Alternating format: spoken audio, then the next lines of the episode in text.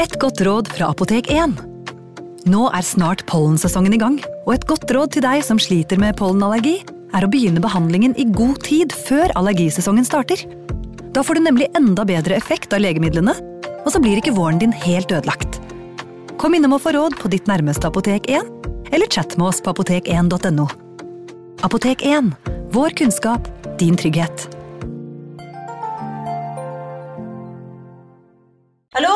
Jeg kommer fra Oslo politikammer.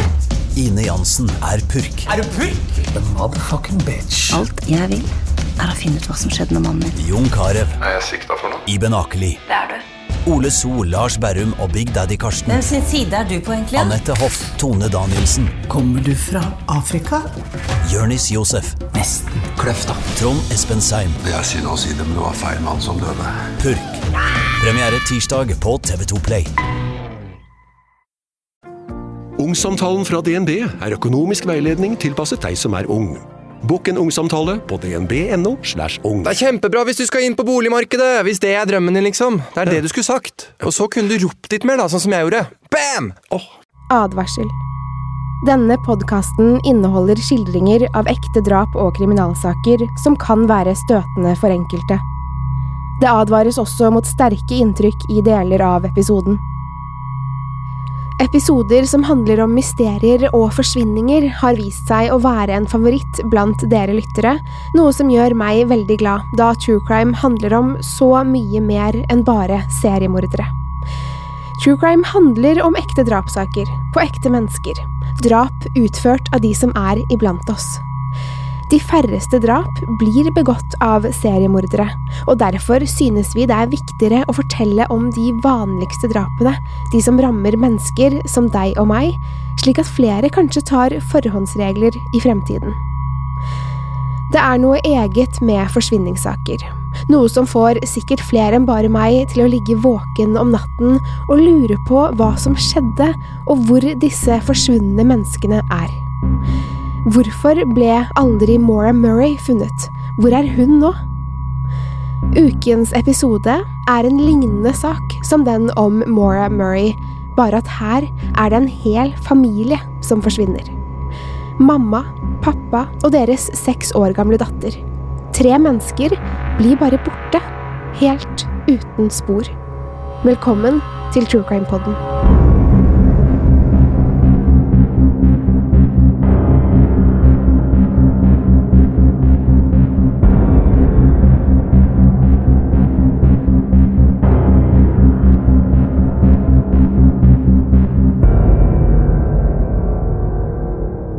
Vi er i Red Oak i delstaten Oklahoma. Det er den 8. oktober 2009, en ganske vanlig torsdag.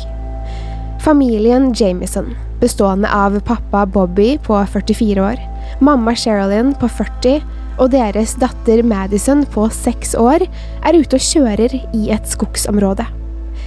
De har kjørt lenge og er ikke helt sikre på veien de skal ta. Familien Jamison har lenge drømt om å flytte vekk fra byens kjas og mas. De vil nærmere naturen og stillheten, den friske luften, og ønsker at lille Madison skal vokse opp her.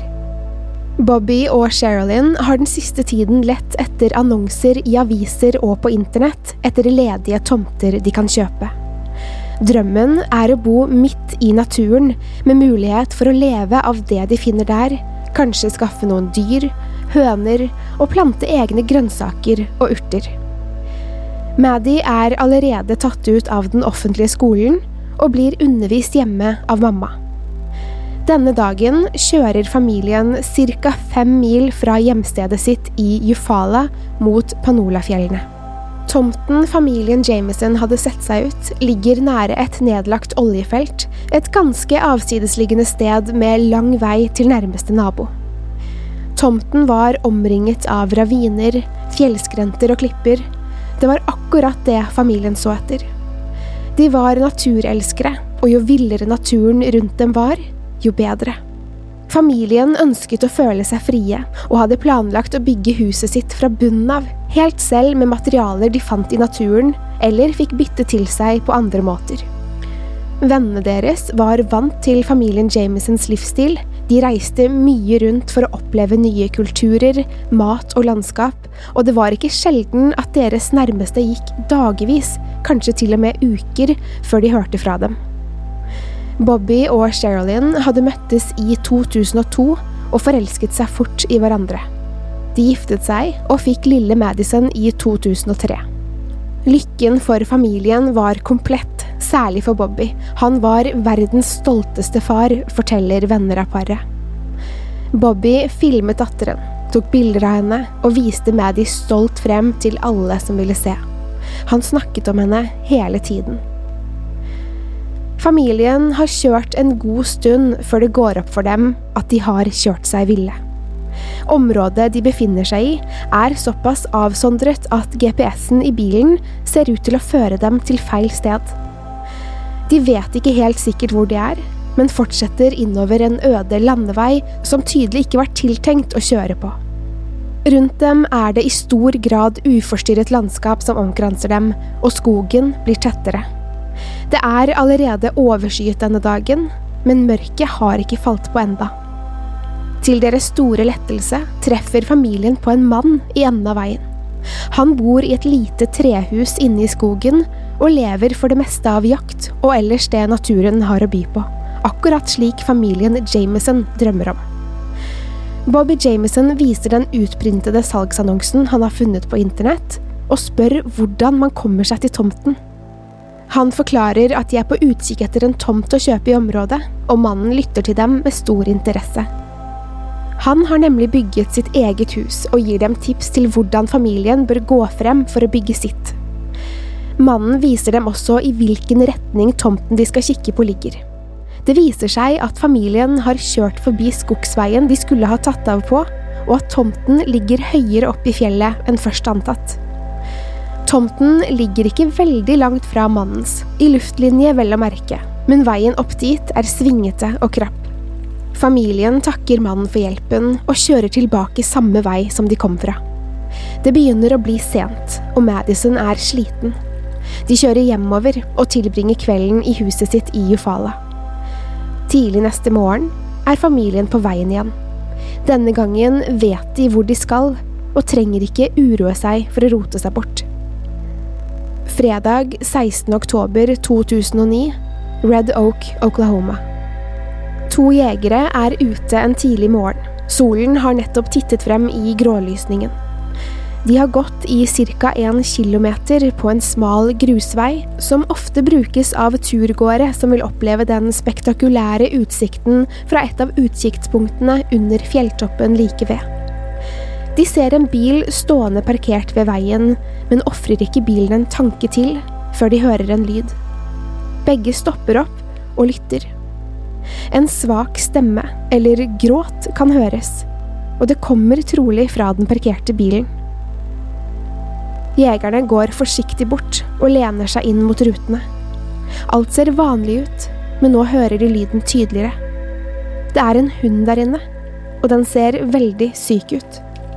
De har ingen tid å miste. Jegerne bryter opp bildøren så hunden skal få luft. Selv om det ikke er varmt ute, det er jo midt i oktober, så er luften inne i bilen tett og klam. Det stinker, hunden har gjort fra seg flere ganger, og jegerne er forundret over at noen lar hunden sin være stengt inne i bilen uten tilsyn. Hva slags mennesker er de? Etter å ha sett seg rundt etter mat til hunden, endrer de mening. Det ser ikke ut som om hundeeierne har latt hunden være igjen så lenge med vilje. Ut ifra hva jegerne kan se, har eierne parkert bilen her, i den tro at de straks skal komme tilbake, ellers ville de vel tatt med hunden? Jegerne gir hunden mat og vann, men den er i så dårlig skikk at de er usikre på om den vil overleve. Mens den ene av dem leter rundt i bilen, ringer den andre til politiet. Meldingen om den parkerte bilen kommer inn til byens sheriff. Han ber en politibetjent sjekke om det finnes noen savnede i området, og kjører sammen med en annen patrulje opp til parkeringsplassen. Mens en veterinær tar seg av den syke hunden, ser sheriffen seg rundt i bilen etter tegn til eierne. Han legger merke til et barnesete bak i bilen, og forstår at dette kan være en sak som haster. Han finner også to mobiltelefoner og to lommebøker. Rart å la det ligge igjen i bilen hvis man skulle på tur, særlig mobiltelefonene. I lommebøkene finner politiet identitetene på de som eier bilen. Det er Bobby, Sherilyn og Madison Jameson, og politiet jobber først ut ifra teorien om at familien har gått seg vill i den tette skogen. Det er mange farer i en slik skog. De kan ha blitt bitt av en slange. De kan ha falt og slått seg. Selv om sheriffen og politiet ikke vet hvor lenge familien har vært borte, forstår de at det er snakk om dager pga. hundens tilstand. Å være ute i den skogen i flere dager, uten mat, vann og et sted å søke tilflukt, kan det være ille ute med dem allerede. Været den siste uken har vært kaldt, tåkete, og det har regnet. Familien er mest sannsynlig nedkjølte om de har vært ute så lenge. Selv om temperaturen ikke har vært under frysepunktet helt enda, det er bare midt i oktober, så kan likevel hypertermi ha gjort at familien Jameson kan ha mistet all forstand, de kan ha mistet stedsansen, kanskje hallusinert og tatt irrasjonelle beslutninger.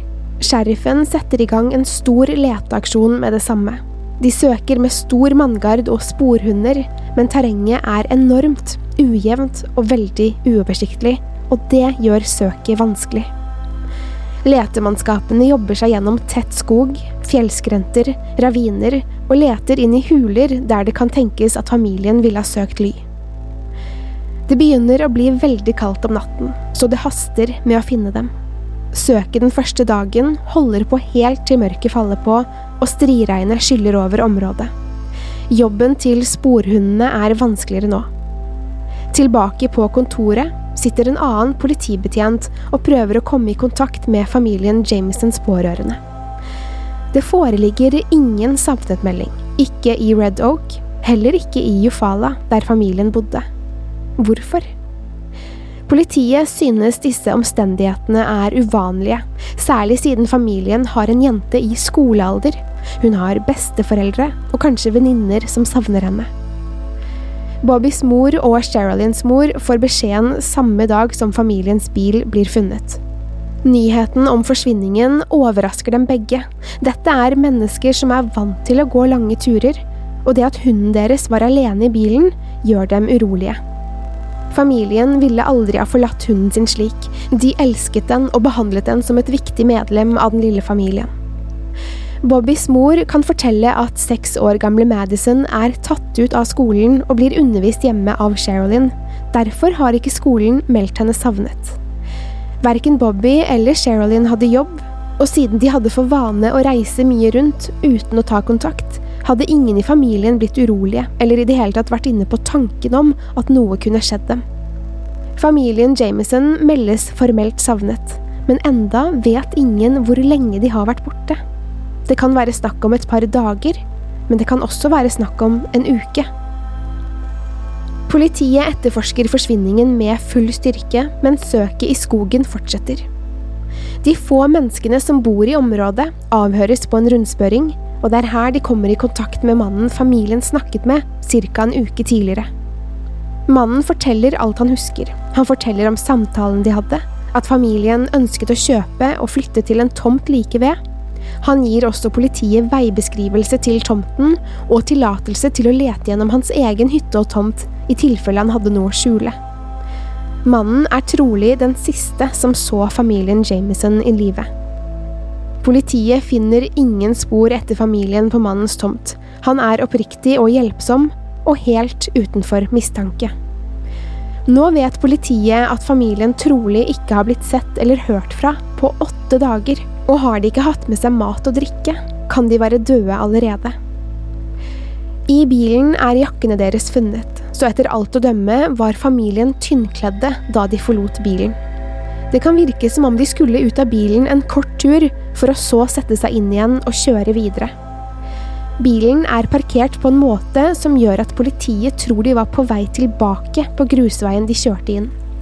Den har ikke vært flyttet, og det er en del vann på lasteplanet bak bilen. Men det var flere ting som ble funnet i eller ved bilen som gjør politiet urolige. De finner noe uvanlig, nesten urovekkende. Under førersetet ligger en pose med kontanter.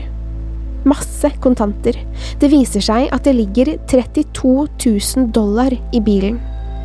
Hva skulle familien med de pengene, og hvor kom de fra?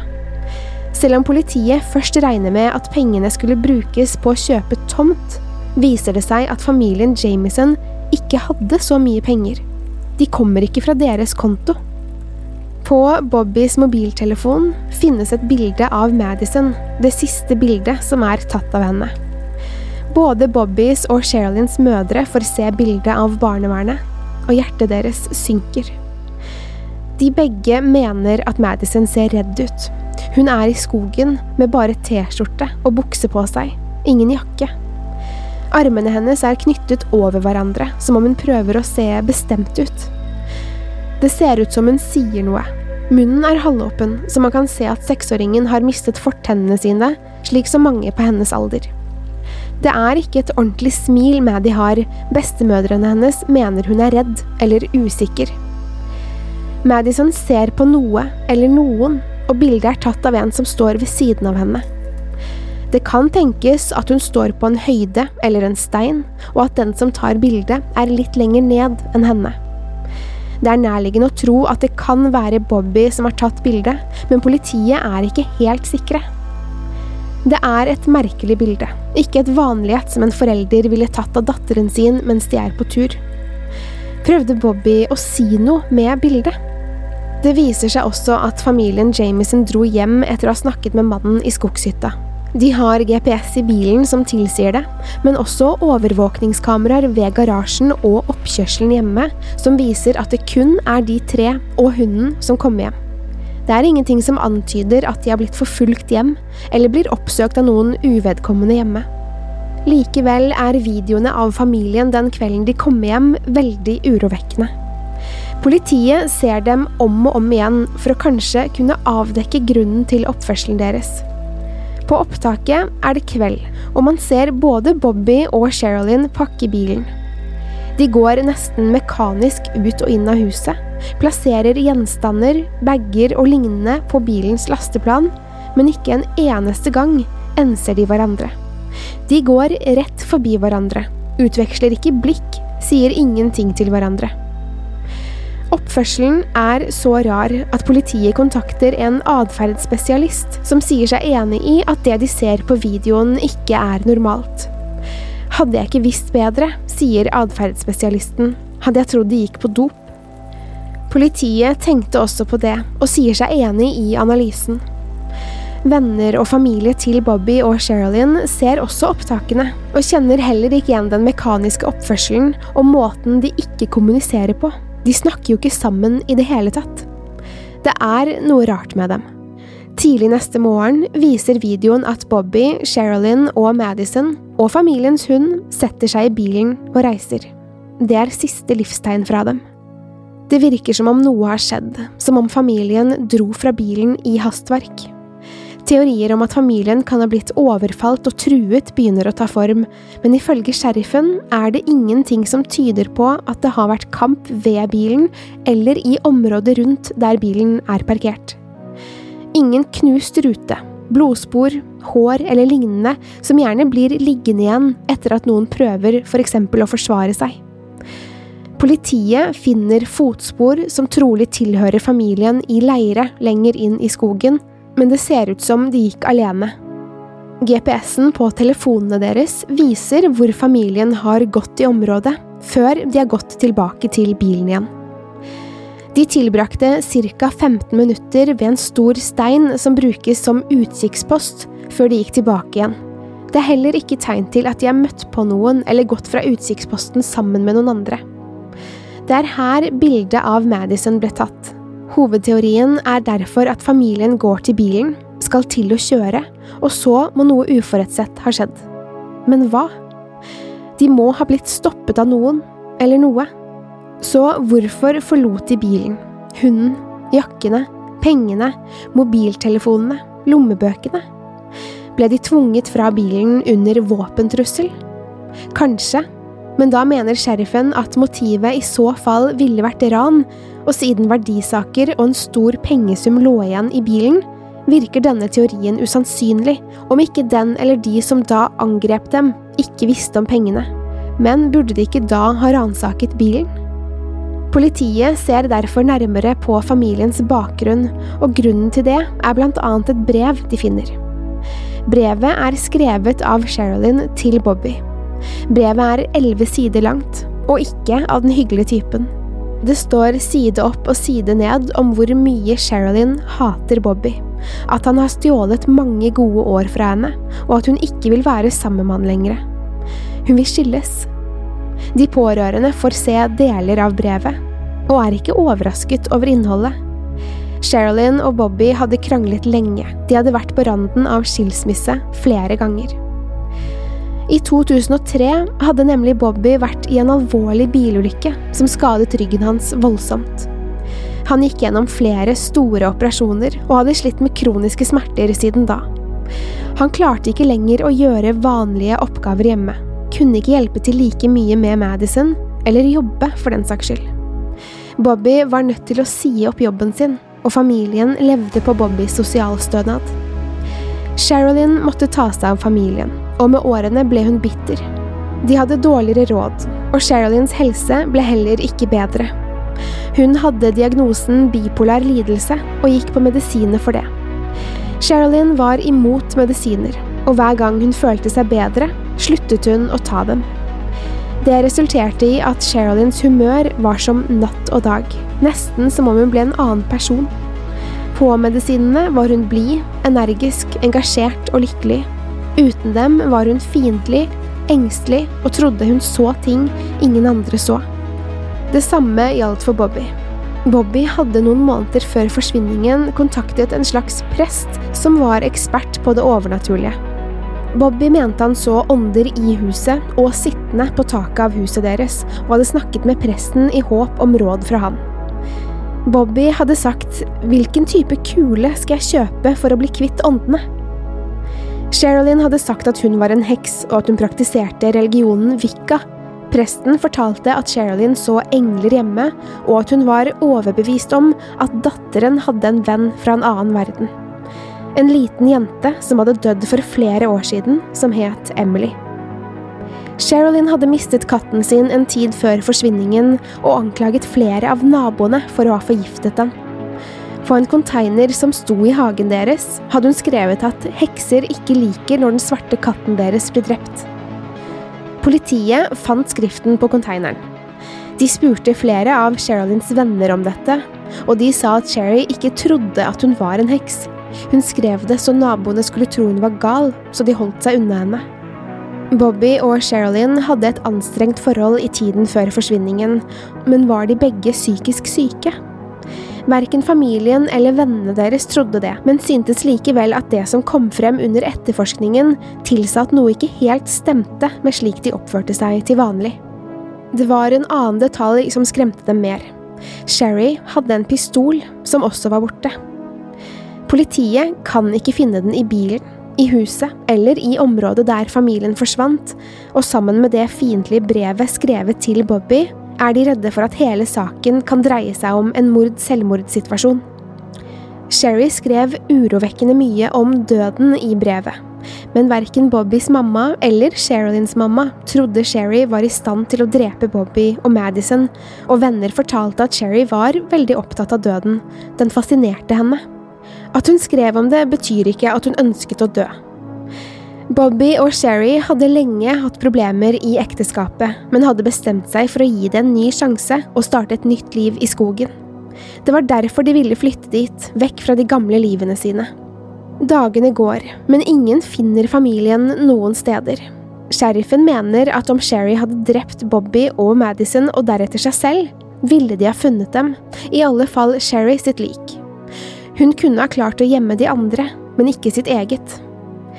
De lette under fjellskrenter for å se om de hadde falt i døden, i små kulper og i vann, men familien Jameson er sporløst borte. Flere hundre leter og leter, men tiden renner fra dem. Siden bilen ble funnet såpass sent, var de allerede for sent ute da letingen startet. Det hadde kanskje allerede gått for lang tid for å finne dem i live. Etter noen uker søker ikke lenger letemannskapene etter dem levende. De er antatt døde, Det er for kaldt for å ha overlevd i skogen så lenge uten ly. Likhunder settes inn i søket, og plutselig markerer de ved en vanntank. Politiet tror familien kan være dumpet i vanntanken, og tømmer den helt for vann. Vanntanken er tom, både for vann og for spor som sier noe om hvor familien Jamison er. Det var ingen lik i den.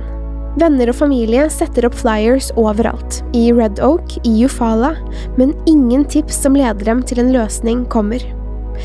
Det dukker opp en del teorier. En av dem er at familien ble drept av Bobbys 67 år gamle far.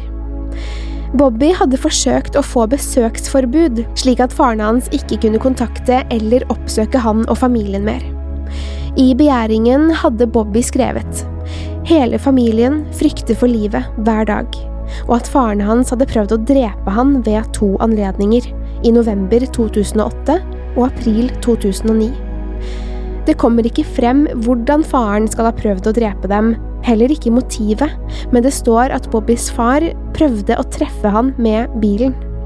Det er ikke lett å vite om det stemmer eller er overdrevet av Bobby selv, men begjæringen om besøksforbudet ble avvist av retten. Bobby hadde jobbet på farens bensinstasjon ved flere anledninger, men ikke fått betalt, og noen tror kanskje Bobby gjorde dette for å hevne seg på faren sin. Politiet snakker med Bobbys far, men han er dårlig til bens, og selv om han har drevet med ulovligheter som narkotika og prostituerte tidligere, finner de ingen grunn til å tro at han skulle ta livet av familien, særlig ikke barnebarnet Madison. En annen teori er at de ble drept av en sekt. Dette fordi Sherrys mor Connie hadde fått for seg at datteren sto på en religiøs sekt sin dødsliste, siden en venn av familien angivelig hadde mottatt en anonym telefonsamtale hvor en kvinne kunne fortelle at hun hadde vært med i en nynazistisk sekt som hadde en liste over folk de ønsket døde. Sherry var på denne listen fordi hun og Bobby hadde hatt en leieboer som viste seg å være nynazist. Sherrys slekt var urfolk langt tilbake, og da Sherry fant ut at leieboeren var nynazist, hadde hun kastet han ut. En søkt teori, ja, men politiet snakket med denne tidligere leieboeren, som kunne bekrefte at Sherry kastet han ut, men at han hadde alibi for tiden familien Jameson forsvant. Han var heller ikke med i noen sekt, og ville heller ikke bekrefte at han var nynazist. Det fantes flere religiøse sekter i Oklahoma på den tiden. Det finnes fortsatt mange i dag, men det er lite trolig at noen av dem skulle ha drept en barnefamilie, og ikke noe politiet ser på som et reelt spor. Familien Jamison er altså sporløst borte. Ingen aner hva som har skjedd med dem. Området de forsvant i er finkjemmet, og selv om det ikke aktivt letes etter dem lenger, er denne saken blitt et mysterium som diskuteres tett på nettforumer. Mange teorier verserer, men ingen når helt opp til å gi noen forklaring på hva som skjedde med dem. Kommer vi noen gang til å få vite hva som skjedde? 16.11.2013. Noen jegere er ute i skogen og jakter. De kommer over noe rart på skogbunnen, noen benrester. Først tenker de at bena er fra et dyr som har dødd for lenge siden, men det er noe med bena som får dem til å tenke at det kanskje ikke er fra dyr likevel. Den ene jegeren ringer politiet. Han vet godt at det er en familie savnet i området. Politiet rykker ut, og benrestene sendes til forensisk testing. Det er få benrester, men de stammer fra mennesker. Området blir finkjemmet for flere levninger, og til sammen finner de tenner fra én eller to voksne, en sko, et ødelagt klesplagg, to armben fra enten én eller to voksne og et leggben fra et lite barn. Det er ingen tegn til ytre skader på bena men de er i så dårlig stand at det ikke er mulig å fastslå dødsårsak eller om de var påført andre skader. Det er faktisk umulig å utelukke eller fastslå noe som helst. Etter nesten åtte måneder, i juli 2014, var det endelig mulig å formelt identifisere levningene. De tilhørte Bobby, Sherilyn og Madison. Det eneste vi vet, er at de er døde. Ikke hvor lenge de har vært døde, hvordan de døde, eller hvorfor. Ble de drept, eller var det en ulykke? Ingen vet. Det eneste vi vet, er at de forsvant og døde under mystiske omstendigheter, og at området de ble funnet i, ble søkt gjennom flere ganger, så spekulasjonene om levningene er plassert der i senere tid, er mange. Neste uke er siste episode før True Crime-podden tar sommerferie, men vi er tilbake igjen til høsten med nye episoder. Vi ønsker å høre deres teorier om hva som skjedde med familien Jameson. Bli gjerne med og diskuter på vår Instagram-konto. Der heter vi True Crime Norge. Til neste gang, pass på deg selv, og takk for at du har hørt på True Crime-podden.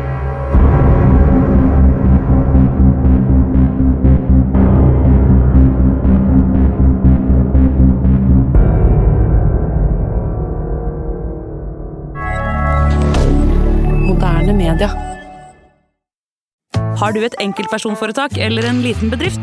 Da er du sikkert lei av å høre meg snakke om hvor enkelt det er med kvitteringer og bilag i fiken, så vi eh, gir oss her, vi. Fordi vi liker enkelt. Fiken superenkelt regnskap. Hei! Takk for at du lytter til True Crime Podden. Skulle du ønske at du kunne høre en ny episode av denne podkasten hver eneste uke? Vel, da er det bare å laste ned podkastappen Untold med en gang. I tillegg til ukentlige episoder av podkaster som Skrekkpodden, Synderne og Henrettelsespodden, får du masse annet reklamefritt og eksklusivt innhold. Last ned Untold i AppStore eller Google Play, og start din 30 dagers prøveperiode i dag.